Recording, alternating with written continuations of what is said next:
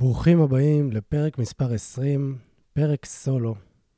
פרק סולו חשוב ומעניין בפודקאסט פחד או אהבה עם עודד שעשוע.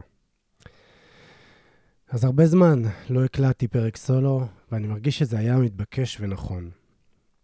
אין פרק אחד שהוקלט פה, מסיבות לא אמיתיות ורק למטרת ההקלטה.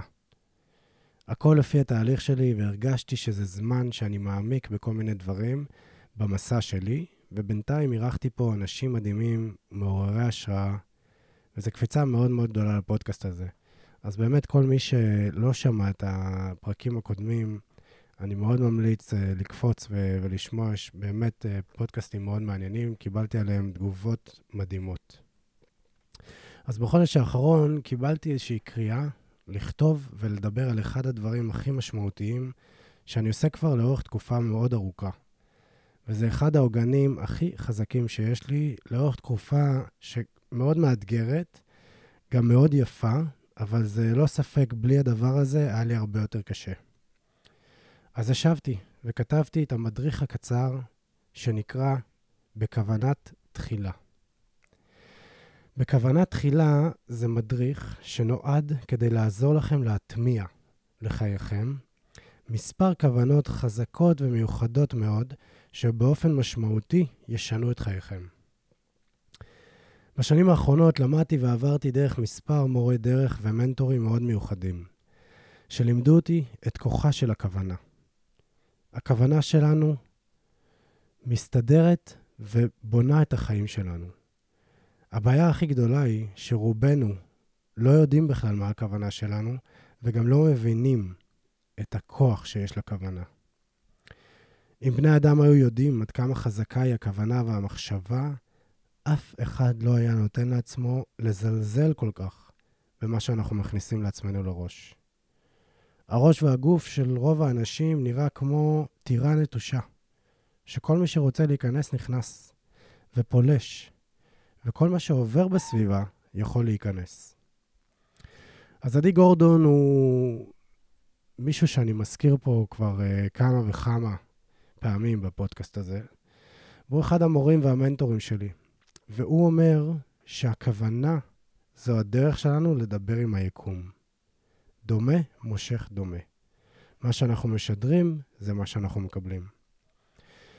אני זוכר שברגע שהבנתי את הדבר הזה, וברגע שאנחנו מבינים את זה, אנחנו יכולים להגיד שלום ולהתראות לקורבנות שלנו. כי אם דומה מושך דומה, אז אין את מי להאשים. וכל מה שלא מסתדר לנו בחיים, הכל זה עניין של כוונות. נדייק את הכוונה שלנו, ונדייק גם את מה שנמשוך לחיינו. לעשות דברים עם כוונה זה אחד הדברים שמביאים את פוטנציאל הגוף והמוח שלנו לידי ביטוי. זו הדרך לקפוץ מעל אלמנט הזמן והמאמץ. עשייה עם כוונה של עשר דקות יותר פרודקטיבית ואיכותית מעשייה של שעתיים ללא כוונה. שאומרים שאנחנו לא מנצלים 80% מהיכולת של המוח שלנו, מדברים בעיקר על זה שאנחנו כמעט ולא מביאים כוונה לשום דבר שאנחנו עושים. הכל נעשה כזה עם מחשבות אחרות, עם דברים uh, אחרים על הראש, ואין באמת כוונה אמיתית בעשייה. עדי נתן דוגמה ממש מדויקת לאיך אפשר להבין מה זו כוונה. עכשיו, אני מדבר פה על משהו שהוא לימד אותנו במשך עשרה חודשים. אז חשוב לי להגיד שזה תהליך ארוך ומאוד משמעותי. אבל שווה הכל. הוא קרא לזה להניף את הדגל. בכל תרגילי הנשימות שעשינו יחד, הוא ביקש שנדמיין את התורן שלנו עולה מהלב לשמיים, ואת הדגל הלבן מתנוסס לו שם, ואז שאל אותנו, מה כתוב על הדגל? זו הכוונה, וזו באמת הדרך שלנו לתקשר עם היקום. לאורך השנים של ההתפתחות הרוחנית שלי, ראיתי שיש לי יכולת מיוחדת של הטמעה. דברים שדיברו אליי והרגשתי את המשמעות שלהם, חשבתי איך אני יכול להכניס אותם לחיי. ידעתי שזה לא מספיק, שבזמן הלמידה שלי אני מבין ויודע שזה נכון וחשוב, אלא חייבת להיות דרך שאני אוכל להפוך את זה לחלק מחיי. כשלמדתי אצל יוסי גינזברג, שגם עליו דיברתי רבות פה, הוא עשה משהו מאוד מיוחד. הוא ידע עד כמה הודיה זו כוונה חזקה ומשפיעה על החיים שלנו, ואמר לנו, בחלק מהקורס ש... שעשיתי אצלו, הוא אמר, יום רביעי זה יום שאנחנו מגזימים בתודות. הוא קרא לזה יום רביעי הגדול. יוסי מאוד מאמין בעיקרון הפרטו, הידוע גם כעיקרון ה-80-20, שאומר שבהרבה מקרים 80% מהתוצאות מגיעות מ-20% מהגורמים הפעילים. והסביר לנו שאם ביום אחד נגזים עם כוונת ההודיה, נייצר השפעה גדולה ומהירה על חיינו. זה קסם לי, והחלטתי שאני ממשיך את זה גם אחרי הקורס. ואז גם התחלתי לחשוב לעצמי, רגע, אז איך ייראו החיים שלי אם בכל יום תהיה לי כוונה אחרת שאני יודע שמשנה חיים? ידעתי כבר אז שאני רוצה שיהיה לי יום של נתינה ויום של אהבה עצמית, אבל עוד לא הייתי מבושל מספיק על מה עוד. הייתי צריך להמשיך ללמוד. תוך כדי הלימודים עם עדי, נסגרו לי עוד שני ימים וכוונות חזקות מאוד. יום ללא שיפוטיות ויום של ברכה, ואני ארחיב עליהם בהמשך המדריך. חמישה ימים סגורים. מה עושים בסופש? אז אני מאמין שאין יום מנוחה באמת לעבודה פנימית, ואת הכוונה ליום שישי קיבלתי דרך מפגש עם מתקשרת מיוחדת בשם עירית, שהביאה אותי לידי הבנה שאחד הדברים שאני הכי צריך לעבוד עליו זה תדר הקבלה. זה תדר שמאוד נפגע לי בתקופת הילדות שלי, והבנתי גם לאט-לאט עם עבודה שלי עם אנשים אחרים, הבנתי שרובנו מתקשים בקבלה, שגם עליו אני ארחיב בהמשך. אז יום שישי מתרגלים קבלה. מה עושים בשבת? אז אצל יוסי גם uh, הבנתי את משמעות המשפט, מצווה גדולה להיות בשמחה תמיד. וגם עם זה עברתי מסע ממש מיוחד. אז בשבת אנחנו נותנים כוונה להיות בשמחה. שלוק מים רגע.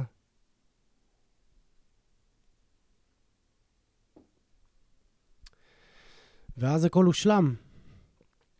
יום ראשון, יום של נתינה. יום שני, יום של חוסר שיפוטיות.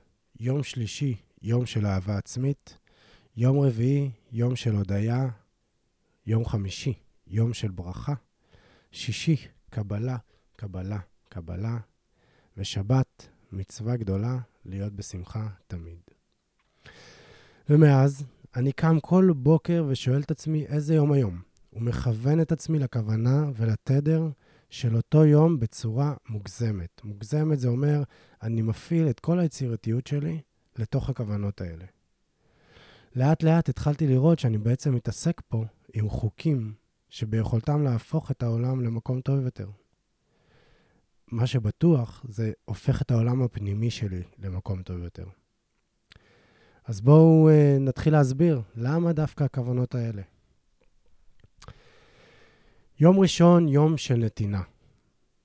תמיד ידעתי שנתינה זה חלק מהחיים שלי, ואחד המקומות שהכי נהניתי להיות בהם.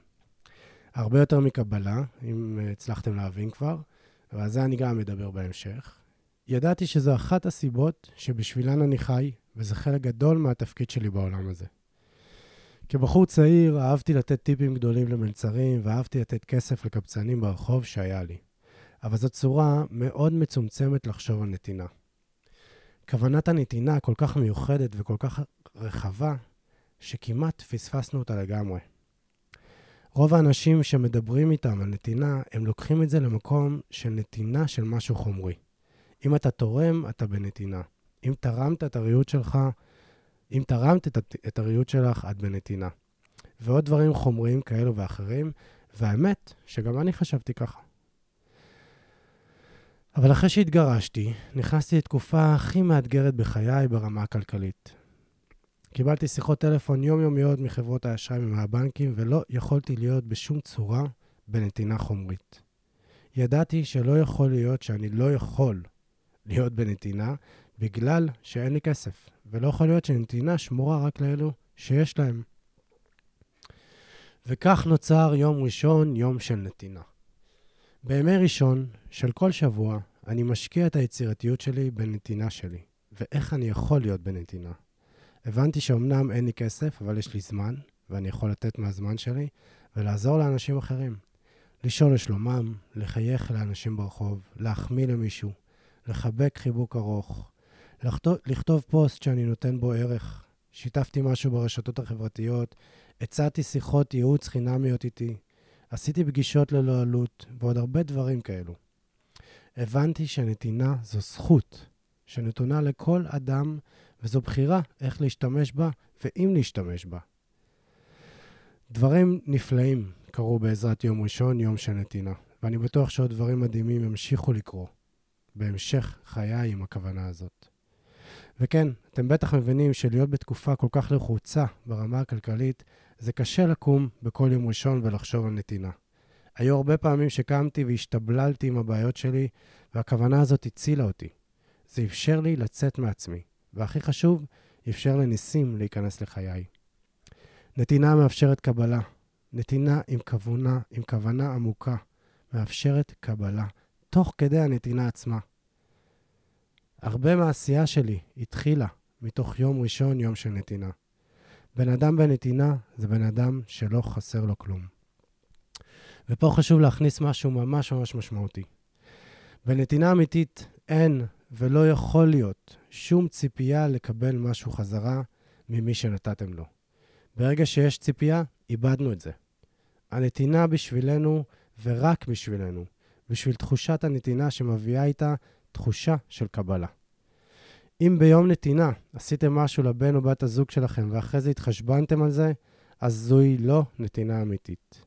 זה בסדר, פשוט פעם הבאה תדייקו יותר את הכוונה, ותראו את ההבדל של נתינה שנעשית ממקום שמקבל תוך כדי הנתינה עצמה. אין דבר יותר מיוחד מזה. ואני רק יכול לדמיין לי מה יקרה אם בימי ראשון יצאו לעולם אנשים עם כוונת הנתינה ויממשו את יכולות הנתינה שלהם. מעניין איזה עולם נפגוש. אז כוונת יום ראשון, יום נתינה, שהייתי מכוון אותה, זה מה שהייתי רושם על הדגל שלי ביום ראשון, אני מאפשר לעצמי להיות בנתינה אמיתית וטהורה ולפעול ביצירתיות בכל המשאבים הקיימים למטרה זו. מדהים. עוברים ליום שני. יום שני זה כבר יום שאני חושב שהרבה ממי שעוקב אחריי כבר יודעים ומכירים את יום שני. יום שני, יום ללא שיפוטיות. אז הקלטתי פרק שלם על שיפוטיות, שאני ממש ממליץ לשמוע, ואני אדבר פה טיפה יותר בקצרה על זה, ו... אבל ממש לכו תשמעו את זה, כי שיפוטיות זה אחד הנושאים הכי חשובים שאנחנו רוצים לשחרר מחיינו. אם יש משהו שלדעתי פגע לי בחיים בצורה מאוד משמעותית, זה אשמה ושיפוטיות. אין מערכת יחסים אחת בחיי שלא נפגעה מזה. אם זה המשפחה, אם זה בקריירה שלי, אם זה בזוגיות שהייתה לי, אם זה מול מאמנים, במערכת יחסים שלי עם עצמי. אז, כמו שדיברנו כבר, שיפוטיות בעצם מתחלקת לשני חלקים. קודם כל, שיפוטיות עצמית, שזה אשמה, גילט ולועזית. זה גורם לנו להאשים את עצמנו, לבקר את עצמנו. והחלק השני זה שיפוטיות כלפי אחרים, שזה בליים, שזה מוביל לאשמה של אחרים, להאשמה של אחרים וביקורת כלפיהם. שני הדברים האלה מגיעים מפחד והסתכלות לא בריאה לסיטואציות שאנחנו פוגשים בחיים, וזה כמובן מנגנון הישרדותי שלא משרת אותנו בשום צורה. אחד המשפטים שאני זוכר שקיבצו אותי, ששמעתי אותו, זה שאנחנו תמיד נהיה קצת יותר שיפוטיים עם עצמנו מהבן אדם שהיה השופט הכי גדול שלנו בילדות. ואני רוצה להסביר את המשפט הזה שוב. אם לי בילדות היה בן אדם שחוויתי אותו כמאוד שיפוטי, אז הכאב שחוויתי מהאכזבה שיצאה ממנו מתי שלא עמדתי בציפיות שלו, היה כל כך קשה לי, שפיתחתי מנגנון הגנה עצמי שגרם לי להיות קצת יותר שיפוטי עם עצמי, כדי לא להרגיש את הכאב שהגיע עם האכזבה הזו. וזה לא משנה שכבר גדלתי וכבר לא הייתי צריך לעמוד בציפיות של אף אחד, הרף שיפוטיות שלי המשיך להיות אותו רף, כי הגוף עדיין זוכר את הכאב של האכזבה משם, מהילדות. שיפוטיות זה לא רק במילים, שיפוטיות זה תדר, שיכול להיות מועבר דרך שתיקה, מבט, התרחקות, וגם כמובן מילים. אז שלב ראשון זה לחשוב עם עצמכם מי הבן אדם שהיה הכי שיפוטי איתכם. אמא, אבא, מורה, מאמן, אה, לא יודע, דוד, סבתא. זה, זה, זה מגיע משם. ואז תתחילו להבין את השיפוטיות שלכם. זו בלבד הבנה מאוד חשובה שמאפשרת המון חמלה לעצמכם ומרחב התפתחות משמעותי מאוד בשבילכם. אז כשאני התחלתי להתבונן בעניין השיפוטיות העצמית שלי, אה, הייתי ממש בהלם. הבנתי שאני מתחיל לשפוט את עצמי איך שאני קם בבוקר. אם רציתי לקום מוקדם וקמתי חמש דקות אחרי, כבר התחילה השיפוטיות אצלי. אם לא עשיתי אימון, שיפוטיות. אם עשיתי אימון ולא התאמצתי מספיק, שיפוטיות. אם אכלתי משהו לא טוב, שיפוטיות. אם אמרתי משהו לא טוב, שיפוטיות. אם לא אמרתי מספיק, גם. אם אני עובד מספיק קשה, האם אני אבא מספיק טוב, האם אני גבר מספיק טוב, האם אני עושה מספיק. לכל התשובות האלה הייתה לי תשובה אחת. לכל השאלות האלה הייתה לי תשובה אחת. לא. אז שיפוטיות מגיעה מהמילה שופט, שבעצם גוזר דין במשפט שיש רק פרקל... פרקליטות וללא סנגור. תדמיינו דמות קשוחה שיושבת לכם בראש ומסתכלת על כל מה שאתם עושים וגוזרת דין על כל פעולה שעשיתם, או לא עשיתם, בלי שיש שום הגנה. זה ההבנה שמה שאנחנו עוברים, איזה דברים אנחנו סוחבים עם עצמנו, וכמובן, בלי ההבנה המאוד חשובה שאנחנו תמיד עושים את המקסימום שלנו. זה ממש כמו זרע שנזרק לאדמה, וכל מה שהוא רוצה זה להתרחב ולגדול. אבל אם האדמה לא פורייה, והוא לא מקבל מים טובים, אנחנו לא נסתכל מלמעלה על הזרע ונגיד לו, למה אתה לא גדל? אנחנו לא נגזור את דינו, אנחנו ננסה לייצר לו מרחב יותר נכון לגדול. אז איך שיפוטיות מתחברת לחופש?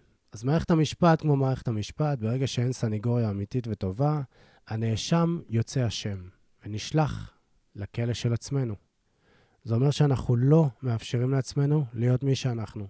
אנחנו עוצרים את היצירות שלנו, אנחנו כולאים את הרגשות שלנו, אנחנו כולאים את הרצונות שלנו, וכך לאט-לאט מסתובבים בעולם אנשים חופשיים לכאורה, אך בכלא של עצמם. חופש זה מצב הוויה שלא קשור לתנאים החיצוניים שלנו. ישנם המון אנשים שישבו בכלא אמיתי ומספרים שזו הייתה התקופה שהרגישו הכי חופשיים בחיים שלהם. אז כמובן שלא המצאתי את זה, ויש משהו ממש יפה שלמדתי אצל יוסי גינזברג, שגם מדבר על שיפוטיות, ועל סולם מצבי התודעה של דיוויד הוקינס, שהוא חקר את מצבי התודעה שלנו ואיך זה משפיע על חיינו. אז לפי הוקינס, מצבי התודעה הכי נמוכים זה שיפוטיות ואשמה. ואחת הסיבות העיקריות לכך זה שמצבי התודעה האלו מורידים אותנו ומקפיאים תנועה. בין מצבי התודעה הנמוכים יש גם קנאה, גאווה, כעס, פחד, תשוקה, שכל אלה אומנם זה מניעים לא בריאים, אך כולם מייצרים תנועה. אשמה ושיפוטיות הם היחידים שמורידים אותנו ומגבילים תנועה. אז מה עושים ביום שיפוטיות? ביום ללא שיפוטיות? דבר ראשון זה לשים לב עד כמה שיפוטיות היא חלק משמעותי מחיינו. הידיעה הזו תתחיל תהליך ריפוי בפני עצמו. כמעט כל יצירה שלי התחילה דרך יום שני, יום ללא שיפוטיות. סורי. הרבה פעמים אנחנו רוצים לעשות דברים, להוציא לעולם יצירות שלנו, ומחביאים אותם ומבטלים אותם כי הם לא עומדים בסטנדרטים שלנו. ובסוף משאירים המון דברים במגירות שלנו. את הפרק הראשון של הפודקאסט הזה אני הקלטתי ביום שני, בידיעה שאני כותב ומקליט ומוציא ללא עריכות ומחשבות נוספות, וככה התחילה תנועה שהפכה להיות מאוד מיוחדת בשבילי, ופתחה לי המון דברים בחיים שלי. אז קחו יום אחד בשבוע, שביום הזה אתם חופשיים לעשות כל מה שאתם רוצים. חופש מוחלט להגיד את מה שאתם מרגישים, לעשות את מה שאתם רוצים, וגם לא לעשות כלום אם, אם זה מה שאתם רוצים. יום אחד שאתם, מנהל, שאתם לא מנהלים השוואות עם אחרים, ואתם מאפשרים לעצמכם פשוט להיות. שחררו שיפוטיות. ועוד משהו, תנצלו את היום הזה גם כדי לשחרר שיפוטיות מאחרים. שימו לב גם על השיפוטיות שיש לכם על אחרים, כי ברוב המקרים זה שיפוטיות עצמית במסווה, וחשוב שתחשפו אותה. כוונה ליום שני, יום ללא שיפוטיות. הנני משחרר מחיי שיפוטיות עצמית ושיפוטיות מאחרים. אני חופשי, אני חופשי, אני חופשי. יס. Yes. עוד שלוק מים. זה פרק שאני כתבתי ואני קורא, אני, אתם שמים לב שאני קורא את זה, אה, כי מאוד חשוב לי אה, שזה יהיה בזרימה. אה, אבל באמת ישבתי וחשבתי על זה הרבה, ואנחנו ממשיכים ליום שלישי, יום של אהבה עצמית. כל התהליך האישי שלי התחיל דרך אהבה, ובעיקר אהבה עצמית. אני מדבר על זה הרבה, ובהתחלה ממש חשבתי שבאתי לעולם הזה כדי להפיץ אהבה עצמית, ולהיות ממש הדמות שתביא לידי ביטוי את צמד המילים האלה. יש שני כוחות מאוד חזקים, ועם הכוחות האלה הכל התחיל אצלי, וגם השם של הפודקאסט אה, מגיע מזה. שהם הכוחות שמניעים את המין האנושי, פחד או אהבה. פחד ואהבה. כמעט כל דבר שאנחנו עושים מתובל במניע של פחד ואהבה. כל התהליך התפתחות שלי התחיל מההבנה שאני לא אוהב את עצמי, וכמעט כל מה שאני חי זה פחד אחד גדול. אני עובד מפחד, אני בזוגיות בפחד, אני מתאמן בפחד, אני אוכל בפחד, אני קם בבוקר בפחד, מנסה להשתפר רק כי אני מפוחד, מנסה ללמוד רק אני מפוחד. בקיצור, כל ההוויה שלי מונעת מפחד. כמובן שהכל לא היה מודע, ואני חשבתי שאני בסדר גמור, אבל אחרי שגיליתי אהבה, קרה משהו מאוד מיוחד, והאהבה, לשמחתי, ניצחה.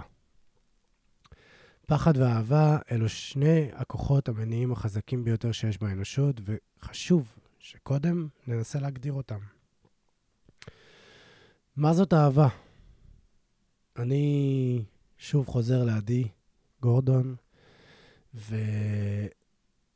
ובאחד המפגשים עם עדי הוא אמר משהו כל כך נכון, והלכתי לשמוע גם עוד מורה רוחני בשם קרישנה מורטי, שדיבר על אהבה גם.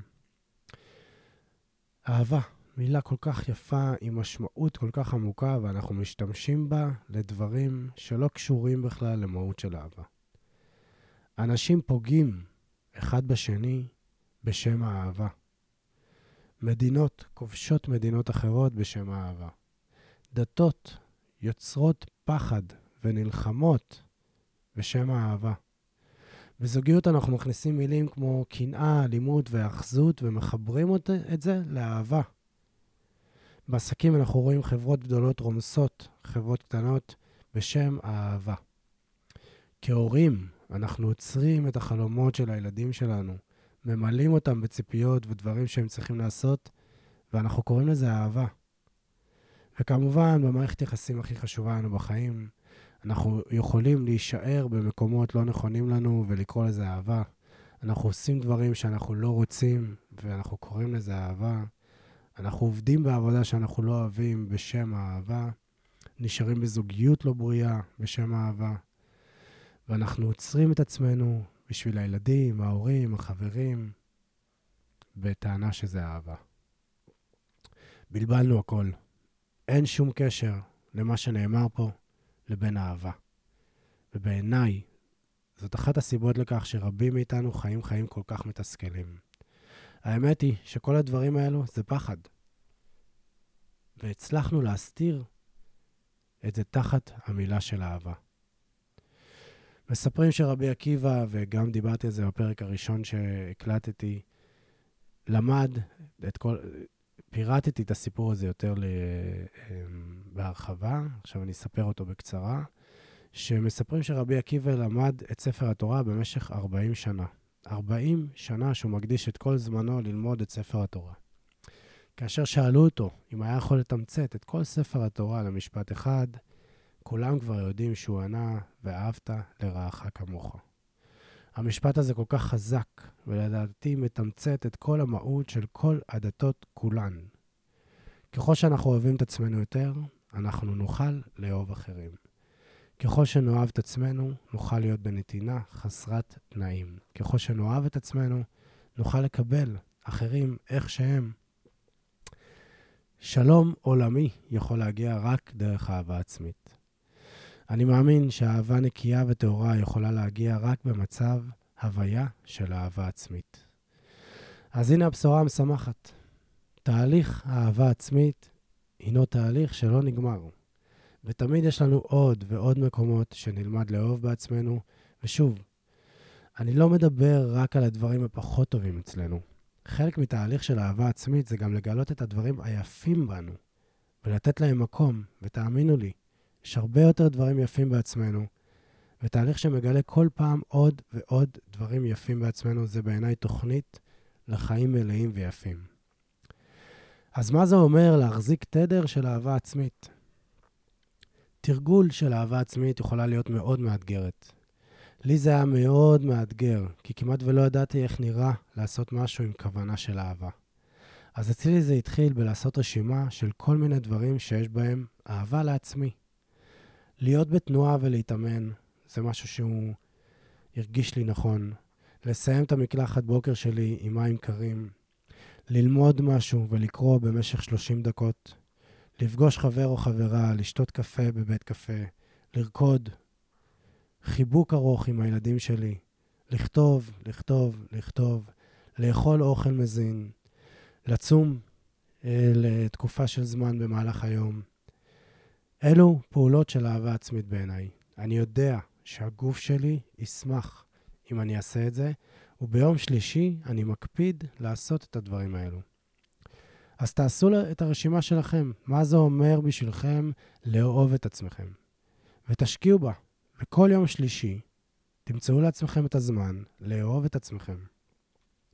לכל אחד יש את הרשימה שלו, וחשוב מאוד לדעת אותה. עצם עשיית הרשימה כבר תעשה לכם משהו טוב. לא צריך לעשות הכל בכל יום שלישי, אבל כן מומלץ וכן חשוב להגזים בכוונה לאהבה עצמית. ואז אתם תראו איזה השפעה זה יעשה לחיים שלכם. אז כוונה ליום שלישי. הנני מחובר לתדר האהבה הקיים ופורח בי, ומאפשר לו להתבטא בכל מחשבותיי, מילותיי ומעשיי. ואהבת לרעך כמוך. יס. אוקיי, עוברים ליום רביעי. יום רביעי, יום של הוקרת תודה. יום רביעי הגדול, דיברתי עליו בתחילת הפרק הזה. אז על יום רביעי אני צריך לתת קרדיט מלא ליוסי גינזברג, שהוא אחד האנשים שהכי השפיעו עליי בחיים. יוסי הוא מספר סיפורים, אך הדרך שהוא השפיע עליי לא היה דרך הסיפורים שלו רק, אלא דרך ההוויה. ההוויה שלו ומה שהוא שידר כל פעם שביקש, שפגשתי אותו. בקורס של יוסי הכרתי בפעם הראשונה את המחשבה של להקדיש יום שלם להוקרת תודה. כמה דברים כבר אפשר להגיד על הוקרת תודה. כולם, כולם מדברים על זה, וזה אולי התדר הכי חזק, שמביא הכי הרבה שפע לחיים שלנו. כולם כבר יודעים את זה. אבל מי באמת חי את זה? כמה מאיתנו חיים את חיינו עם תחושה של הכרת תודה אמיתית ועמוקה? אז אני אנסה להסביר קודם כל איך החוק הכרת תודה עובד, ואז גם איך מטמיעים אותו. אז תחשבו רגע שאתם מסתובבים עם ילד קטן, ויש לכם סכום בלתי נגמר של כסף. הילד מבקש סוכריה, אתם קונים לו את הסוכריה, והוא לא אומר לכם תודה, והוא דווקא אומר שהוא, אוף, רציתי את הסוכריה השנייה. אתם ממשיכים בטיול, והילד מבקש שתקנו לו צעצוע. אתם כמובן עם סכום בלתי נגמר ורוצים שיהיה לו טוב, אתם קונים לו. ושוב, הוא לא אומר תודה, הוא משחק שנייה בצעצוע וזורק אותו. ממשיכים בטיול, והילד רוצה גלידה. אתם קונים לו גלידה. הוא מבקש תות ושוקולד, ואחרי כמה ליקוקים הוא מתחיל לבכות שלא בא לו הגלידה הזאת, והוא רוצה אחרת, וכועס עליכם שהבאתם לו, למרות שזה מה שהוא ביקש. אז ברור שבמצב שיש ילד, אז אנחנו מאפשרים לו, וזה גם, וזה גם ה, היקום עובד ככה, הוא, הוא לא באמת כועס עליכם. זה לא, זה לא מגיע מהמקום הזה, אבל אין זרימה טובה ש, שמייצרת באמת את, ה, את הנתינה שהיקום רוצה להביא לנו. אז uh, במצב הזה, גם הילד לא נהנה וגם אתם לא נהנים. אבל תארו לכם מה יקרה אם הילד יבוא לטיול ויתחיל ויגיד, וואו, תודה רבה שלקחתם אותי לטיול הזה. ואחרי שתקנו לו סוכריה, הוא יתענג על הסוכריה ויחייך חיוך גדול, עד שתוכלו לראות בעיניים שלו עד כמה הוא שמח ואוהב את הסוכריה. אחרי זה הוא ישמח וייהנה מהצעצוע שקניתם לו וירצה שתשחקו ביחד. ואחרי זה, שתקנו לו גלידה, תצחקו ביחד על איך כל הפנים שלו מלאות גלידה, ותראו עליו שהוא מעריך ונוכח עם מה שנתתם לו. תתארו לעצמכם עד כמה תרצו להמשיך לתת. אותו דבר עם היקום, ואנחנו. תחושה של הוקרת תודה זה לא רק לעשות רשימה של כל הדברים שאנחנו רוצים ל- ל- להוקיר עליהם תודה, אנחנו ממש צריכים לשמוח. ממש הכרת תודה אמיתית. לשמוח על זה שיש לנו בגדים, וזה כבר מחבר אותנו לתדר הזה. אפשר לרגע ליהנות מהאוכל שאנחנו אוכלים ולהתחבר לתדר הזה. אפשר ממש להתמסר לחיבוק של מישהו שאנחנו אוהבים ולהתחבר לתדר הזה. זה העניין של הכוונה, שאנחנו בעצם נכנסים לתוך הרגע. זה לא צריך להיות רשימה עמוקה בלי כוונה. זה יכול להיות דבר אחד קטן שאתם נותנים לו כוונה מלאה. תזכרו, וזה משהו חשוב מאוד, שפע אמיתי מגיע אך ורק מהוקרת תודה. לא אכפת לי כמה כסף יש לכם, או אין לכם. בן אדם שיש לו את כל הכסף בעולם ולא מכיר תודה, הוא בן אדם עני. בן אדם שאין לו כרגע כסף ויש לו הוקרת תודה אמיתית, הוא בן אדם עשיר וחו... וחי בחוויית חיים עשירה. עכשיו, שוב, המון אנשים מדברים כבר על הוקרת תודה. ויש הרבה אנשים שגם יושבים בבקרים ועושים רשימה של דברים שהם אומרים עליהם תודה. וזה מדהים. אבל התחושה, התחושה זה מה שעדיין חסר. התחושה הזו זה בעצם הכוונה. כמו שאמרתי כבר, מערכת היחסים שלנו עם היקום היא לא לפי כמות, אלא לפי תחושות. המטרה צריכה להיות על התחושה שלנו. ואם יש משהו אחד שיביא אתכם לתחושה, זה עדיף על רשימה ארוכה שנעשית ללא תחושה אמיתית. במהלך התקופות הכי קשות בחיים שלי, שכל הגוף התכווץ לי, לא הצלחתי למצוא שום דבר שיכולתי באמת להודות עליו. כמובן שהיו הרבה דברים שהיה אפשר, אבל תחושת ההוקרת תודה האמיתית לא הצלחתי להביא לכל הדברים האלה. ושוב, יש לי על הבריאות שלי, על המשפחה שלי, על uh, שיש לי מקום לגור בו, uh, הילדים המדהימים שלי, יש לי מלא מלא מלא מלא דברים להגיד עליהם תודה. אבל אני הגעתי עד למצב שהדבר היחיד שיכולתי להודות עליו זה נשימה עמוקה. ואם זה היה הדבר היחיד שהרים לי את התחושה הזאת, אז אני לקחתי אותה. וזה הוציא אותי מהרבה מאוד רגעים אה, מכווצים, וזה אפשר לי להיכנס לתחושה הזאת. אז מה עושים ביום רביעי? אז אני כמובן, ואני, ואני עדיין ממליץ על זה, התחלתי בלעשות רשימה של דברים, שזה משהו שהוא תמיד טוב. אנחנו רוצים לחיות את התדר הזה, ולא רק לכתוב אותו, אז התחלתי בלהביא את הכוונה הזו בדברים הכי פשוטים. קמתי בבוקר ואמרתי תודה למיטה, לכריות, לסדינים. נכנסתי למדיטציה ותרגילי נשימות ואמרתי תודה על הגוף שלי ועל חמשת החושים שלי. המשכתי לקפה שלי, לבגדים שלי, לבית שלי, לילדים שלי כמובן, למשפחה שלי, לחברים שלי, ועוד ועוד ועוד. לאט לאט אנחנו מוצאים מלא דברים שאנחנו יכולים להכיר עליהם תודה. ושוב, מה שחשוב להבין זה לא הכמות שהדברים שאנחנו רושמים, זה הכוונה והחיבור לתדר הזה. אם יש משהו אחד שגורם לכם להיכנס לתוך התדר הזה, תעבדו איתו. תנו לעצמכם את התחושה הזאת. היקום עובד בצורה מאוד חלקה ונע לפי תדר, לא לפי הכמויות. אם הצלחתם להעיר את התדר ממשהו אחד, זה מספיק וניצחתם. ועוד תוספת קטנה וחמודה שאני אוהב מאוד לעשות, בימי רביעי אני גם אומר תודה על דברים שאני רוצה שייכנסו לחיים שלי, עוד לפני שהם קרו. העבודה שמכניסה לי שפע ומכניסה לי המון משמעות, הבית הגדול והיפה והמואר שמאפשר לי ולילדים שלי מרחב התפתחות, בית בטוח ונעים, הרכב שמאפשר לי להגיע למקומות שאני רוצה, מאפשר לי חופש פעולה, האופנוע שמאפשר לי לנסוע למקומות ולהרגיש את החופש והשחרור, החופשות והעזרה לאחרים, ועוד ועוד ועוד. זה מפעיל. כוח מאוד מאוד חשוב, שזה כוח המשיכה, וזה גם עוזר לי להיכנס לתדר הזה. אז תנסו את זה, תגידו תודה על הבית החדש, תגידו תודה על הזוגיות המושלמת, תגידו תודה על העבודה שמאפשרת לכם מימוש עצמי ומפרנסת אתכם בשפע. תגידו תודה על ההצלחה שלכם במשהו שחשוב לכם. שחקו עם זה. כוונה, יום רביעי.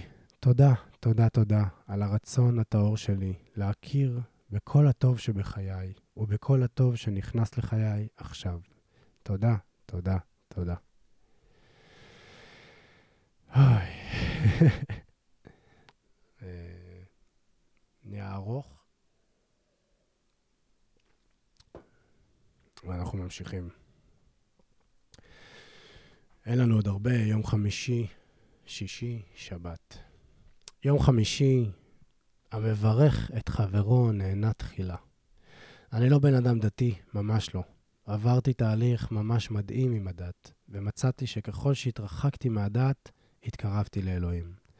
הדת, כמו שאני קיבלתי אותה, שמה המון חומות ושיפוטיות ביני לבין אלוהים.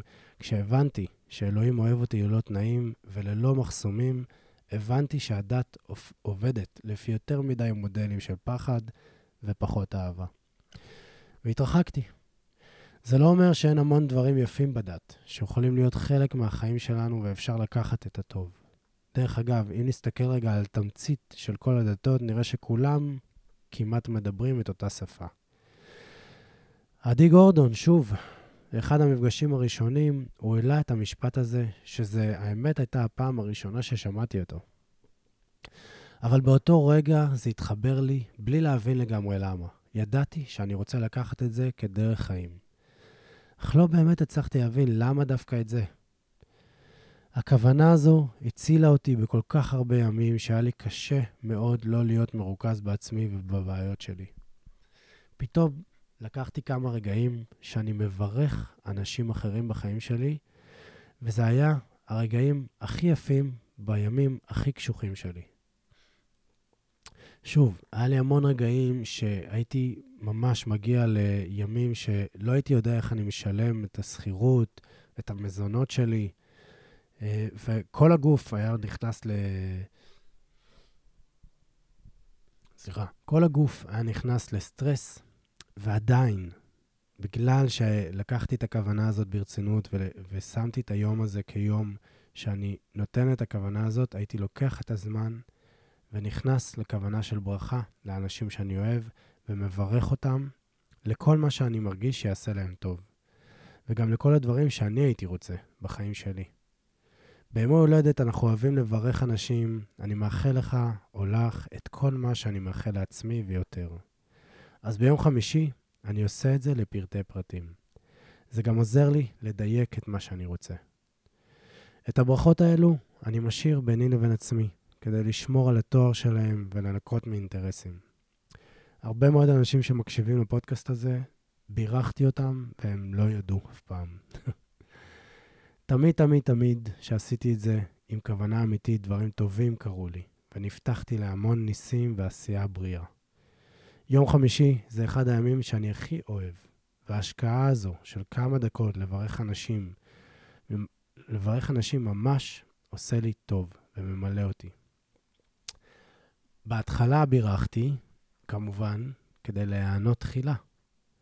אבל היום אני מברך כדי להשתמש בכוח הברכה החזק שיש לנו, כבני אנוש, לעזור ולרפא את האנשים שאני אוהב, מבלי שהם יודעים בכלל. הטכנולוגיה הזו משתכללת כשאנחנו מצליחים לעשות את זה מול האנשים שהכי פגעו בנו והכאיבו לנו. ההורים שלנו, חברים מהעבר, בני ובנות זוג, גרושים, גרושות, אחים ואחיות, מורים וכל מי שפגע בנו. כאשר נצליח לפתוח את הלב ולברך את האנשים האלו במה שאנחנו היינו רוצים בחיים שלנו, נצליח לייצר חמלה עמוקה ולפתוח את הלב בצורה משמעותית, וזה מייצר תיקון גדול שמתחיל להתבצע. יכול להיות שהפסקה הזאת uh, גרמה לכם להתכווץ ולהגיד שבחיים לא תוכלו למצוא כוונה אמיתית לברך אנשים שפגעו בכם, ואני באמת לא ממליץ להתחיל עם זה. אבל אתם תתפלאו לדעת עד כמה הלב גדול, עד כמה הלב רחב ומלא אהבה. אז אל תתחילו עם ברכה לאנשים שפגעו בכם, אבל כן תתחילו עם האנשים שאתם אוהבים, וקל לכם להביא את התנועה הזאת. ולאט לאט תראו עד כמה הלב נפתח וגדל. המברך את חברו נהנה תחילה. כוונה. יש בי את היכולת לרפא את האנשים שאני אוהב ולרפא את עצמי גם כן. תודה על הזכות הגדולה הזו. יום שישי, יום של קבלה, קבלה, קבלה. זה היה מפגש מאוד מיוחד עם מירית המתקשרת. היא הצליחה לקלוט ישר את הדפוס התנהגות וקבלת ההחלטות שלי. היא הבינה את התיקון הנשמתי שלי, ואז אמרה לי שהיכולת שהכי נפגעה לי זו יכולת הקבלה. יש המון כוח בקבלה, וכמו כל דבר בכוונות שלנו, העבודה היא קודם כל פנימית, ואחרי זה חיצונית. כשהיא דיברה על קבלה, היא התכוונה לקבלה עצמית, ללהגיד כן למה שמגיע לי, לקבל את הרצונות שלי בלי לבטל אותם, לקבל את החלומות שלי ולהסתכל עליהם מבלי לחשוב האם זה ריאלי או לא. וכמובן, זה מוביל לקבלה חומרית. אני מגיע ממקום שמאמין בכל ליבי שהכל קיים והכל אפשרי. זה הסיפור שאני מספר לעצמי, וזו האמונה שלי. אם הכל קיים והכל אפשרי, אז הסיבה היחידה שאני לא מממש את עצמי חומרית, זה רק עניין של קבלה. אני לא מאפשר לעצמי לקבל את כל מה שאני רוצה, בגלל דברים עמוקים ומודחקים אצלי. לא בגלל שאין מספיק, לא בגלל שמישהו אחר לוקח לי, לא בגלל שום דבר חיצוני. אם הכל אפשרי והכל קיים, אז כל העבודה היא פנימית לגמרי.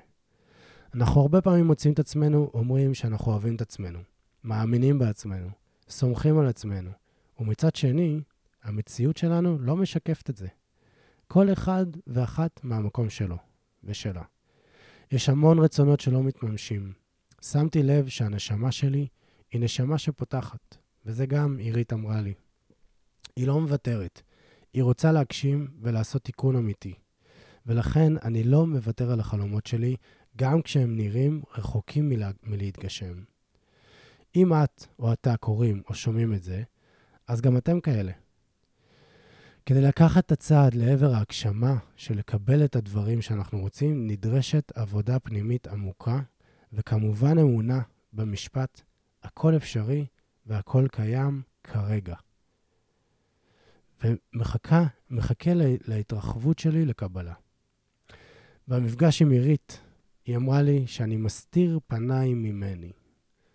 עולה הרצון והתנועה שנלמדה על ידי הילד זה שאני מסתיר את פניי מהרצונות שלי, וחס וחלילה לא להגיד אותם בקול רם, אני משתיק את עצמי. ילד שלמד לכבות את עצמו. עכשיו, שתבינו עד כמה זה נסתר. אני זוכר את עצמי ילד שאומר את כל הרצונות שלו, והולך רק עם הרצונות שלו. אך ברגע מסוים זה נכבה. וכשזה נכבה, אז זה נכבה לגמרי. ושנים ארוכות אני מרגיש שחייתי ללא רצונות אמיתיים. הכל כבר היה קשור לרצונות של אחרים. אז מה קשור קבלה לרצונות? השלב הראשון בקבלה זה קודם כל לקבל את הרצונות שלנו ולתת להם מקום. אתם תשימו לב שהשלב הראשון יהיה בכלל להיזכר שיש לכם רצונות. כן, כן, זה יהיה מדהים להבין את זה. אני רוצה לשמוח יותר, אני רוצה לאהוב יותר, אני רוצה להרוויח כסף ממה שאני אוהב, והרבה. אני רוצה להיות עם הילדים שלי המון, אני רוצה בית גדול יותר, אני רוצה לאכול אוכל בריא ומשמח, אני רוצה לצאת לחופשות עם הילדים ולבד, אני רוצה להיות במקומות עם טבע, אני רוצה שיהיה לי כמה בתים שאוכל לשלב את העיר עם הטבע, אני רוצה זוגיות בריאה ומדהימה, ומביאה למימוש עצמי לשני הצדדים, ועוד ועוד ועוד. והנה באמת, אלה הרצונות שאני יודע שזה אה, הרצונות שלי. הכל קיים והכל אפשרי כרגע. ביום שישי, אנחנו שמים לב לרצונות שלנו ומאפשרים להם להיות. לא מבטלים, לא חושבים אם זה הגיוני, לא מסבירים לעצמנו, פשוט אומרים, אני רוצה, אני רוצה, ומאפשרים לזה מקום. יום שישי מבקש שנהיה אמיתיים עם עצמנו, והוא מבקש התרחבות. במידה ולא תסתכלו לחיים בעיניים ותגידו, אם הכל קיים והכל אפשרי, אז אין שום סיבה שאני לא מקבל את מה שאני רוצה, חוץ מעבודה עצמית ופנימית. יום שישי יושב על ערך של האם אני ראוי, האם אני שווה, האם מגיע לי, האם אני מספיק או מספיקה, וככל שנעשה את העבודה הפנימית, נוכל לייצר קפיצה מאוד משמעותית ביכולת הקבלה שלנו. משחק יפה שאפשר לעשות ביום שישי, שמאפשר קבלה, זה להגיד כן לכל מה שמציעים לנו. מציעים לנו קפה, ואנחנו רגילים כזה להגיד לא תודה, הפעם נגיד כן. מציעים לנו לאכול, שאנחנו בדרך כלל אומרים לא תודה, כבר אכלתי, הפעם נגיד כן. מישהו מזמין אותנו להיפגש ובא, ובא לנו להימרח על הספה, הפעם נגיד כן. מישהו רוצה לתת לכם חיבוק, תישארו עוד קצת ותקבלו יותר. זה יום שאנחנו מרחיבים את יכולת הקבלה שלנו בכל המובנים. הכוונה ליום שישי, יום של קבלה. אני חי בקבלה גדולה לכל מה שהיקום מביא לחיי, ופתוח לכל הטוב שקיים. אני מכיר ברצונות שלי ונמצא בקבלה גדולה לקבל אותם לחיי. אהיה אשר אהיה. יום שבת, יום אחרון. מדהים. יום שבת, יום מאוד מיוחד. מצווה גדולה להיות בשמחה תמיד. יוסי גינזברג היה הראשון שהסביר לי את המשפט הזה. מצווה גדולה להיות בשמחה תמיד. התמזל למזלי לפגוש באדם המיוחד הזה ולשמוע אותו מספר סיפורים. וכפי שכבר אפשר לראות, האיש הזה הצליח להיכנס לי לנשמה. אז מה יוסי הסביר בעצם? הוא הסביר את משמעות המילה. פתאום הבנתי עד כמה מילה יכולה להיות מאוד מאוד מאוד משמעותית. הוא הסביר שלא סתם יש את המילה תמיד. המשמעות של המשפט הזה משתנה לגמרי ברגע שרבי נחמן הוסיף את המילה תמיד. האמת היא שזה לא קל להיות בשמחה. גם כשדברים מסתדרים ונראים טוב, הראש שלנו נוטה ללכת למחשבות של, כמו מתי זה ייגמר, איך אני שומר על זה, מה יקרה שזה כבר לא יהיה ככה. לא קל להיות בשמחה, גם כשטוב לנו. יש מקום לעבודה פנימית גדולה ויכולת להיות בנוכחות כדי ליהנות באמת מרגעים טובים, מבלי להיות בהיאחזות אליהם. אך המשפט מצווה גדולה להיות בשמחה מסתיים במילה תמיד, לא רק בטוב, אלא גם כשפחות טוב? האם אפשר להיות בשמחה גם כשדברים לא מסתדרים? אז אני גיליתי שאפשר. אמנם עדיין לא הצלחתי להיות בהוויית שמחה כל הזמן, שזה בסדר, אני חושב שזה הגיוני, אבל הצלחתי להיות בחלק מהזמן, וזה היה ממש מיוחד. אני מדבר על שמחה אמיתית, רגע שיש רק את התחושה הזאת. בשנים שהתחלתי לעשות שינוי משמעותי בחיים שלי, פגשתי המון תקופות, ואני מדבר עליהן לאורך כל הפרק הזה, ובכלל לאורך הפודקאסט הזה, שהן מכווצות וקשות. המון תקופות שהרגשתי שאין לי ערך לעולם, שאני לא גבר מספיק, שאני לא מצליח, שאני פוחד, תקופות שהרגשתי שאני לא מכיר את עצמי. והדבר שהתחלתי לעשות בימי שבת, זה דבר ראשון, לנשום. דבר שני, לנסות לצחוק על הדברים האלה ולשמוח. רוב המחשבות הרציניות שלנו יכולות להיות ממש ממש מצחיקות באותה מידה ובאותו רגע. כל דבר רציני יכול להיות מצחיק. המשפט why so serious הוא הפך להיות אחד מה, מהדרך חיים שלי, כי פשוט הבנתי שהכל מצחיק. המשפט אני לא יודע מי אני יכול להיות מאוד טרגי, ובאותה מידה יכול להיות ממש מצחיק. הייתי אומר לעצמי, למי אכפת מי אתה? אתה זה אתה, זהו. תבחר בעצמך מי אתה. והייתי פשוט צוחק. תחושת שמחה בעצם מקבלת את המצב איכשהו, ולא מנסה לשנות אותו לטוב ולרע. כל פעם שחוויתי חוסר כלכלי, הייתי צוחק שיש מלא כסף בעולם, ואני מתעסק עם איזה 5,000 שקל מצחיקים. וכשהבנק היה מתקשר אליי חמש פעמים בשעה, כי אני בחריגה של איזה 2,000 שקל, הייתי אומר לעצמי, אני כנראה הלקוח הכי חשוב של הבנק, ואני פשוט מתחיל לצחוק. כמו בכל דבר עם הכוונות, גם פה, מספיק רגע אחד של שמחה כדי שהגוף יתחיל לקבל מסרים חדשים. אם יום אחד ניקח את הכוונה הזו ופשוט נשמח בהגזמה, לא משנה מה המציאות מביאה לנו, נבין לעומק את המשפט המיוחד הזה. שמחה זה משהו שצריך להתייחס אליו, וכן, לעבוד איתו. לצערי, ממש מעטים מצליחים להיות בשמחה אמיתית. וגם אם היא לרגע אחד יפה. אז יום שבת הוא בדיוק בשביל זה. לשים כוונה להיות בשמחה ולראות מה זה יביא. התדר של שמחה הוא מאוד מאוד חזק, ואנחנו משדרים משהו מאוד מיוחד ליקום כשאנחנו מתחילים לשדר אותו. אז מה עושים ביום שבת? אנחנו קמים ליום בכוונה להיות בשמחה ולמצוא את הדברים המצחיקים בכל הרצינות שקיימת בחיי היום-יום שלנו. יום שבת זה יום מעולה לעשות את זה, כי זה גם יום שונה, הוא מאפשר הסתכלות אחרת על הדברים. לא משנה מה אנחנו פוגשים, אנחנו מחפשים דרך לצחוק ולשמוח. ותזכרו שרגע אחד שאנחנו מרגישים שמחה אמיתית, גם אם זה לרגע, זה מאוד מאוד מאוד מיוחד. כוונה ליום שבת, מצווה גדולה להיות בשמחה תמיד. וואו. וואו. אז סיימנו. אם הגעתם עד לפה, אז אתם קודם כל מדהימים, ואני רוצה אה, להציע לכם משהו שהוא באמת אה, אה, מאוד מאוד מיוחד, שהתחלתי להוציא אותו, ואם הגעתם לפה, אתם חייבים לעשות את זה איתי. אז אה, הפרק הזה מוקלט. בחסות תהליך של 365 יום. זה תהליך שבו אני מלווה אתכם ועוזר לכם להחזיק את הכוונות שלכם במשך שנה שלמה. אחרי זה, אתם כבר תעופו עם עצמכם ותמצאו לעצמכם כוונות משלכם, גם תוך כדי תמצאו כוונות משלכם, אבל יהיה לכם המון המון כלים אה, פשוט לעוף עם עצמכם. אחד המשפטים שאני הכי אוהב להגיד בתהליך 365 זה שאנשים ממעטים להבין את המשמעות והיכולת שינוי שמגיעה מפעולות קטנות שנעשות לאורך זמן. ואנחנו מנסים למצוא רק רגעים קצרים שישנו אותנו. תהליך 365 זה תהליך שעושה בדיוק את זה. זה תהליך שנתי, שאחרי השנה הזו סיכוי גבוה מאוד שיעשה לכם שינוי והתפתחות והתרחבות טבעית שלכם. בתהליך הזה אני שולח כל יום סרטון או הודעה מוקלטת או הודעה רגילה, שבכל חודש אנחנו מתמקדים בנושא אחר ומכניסים אותנו ליום, אותו ליום-יום שלנו.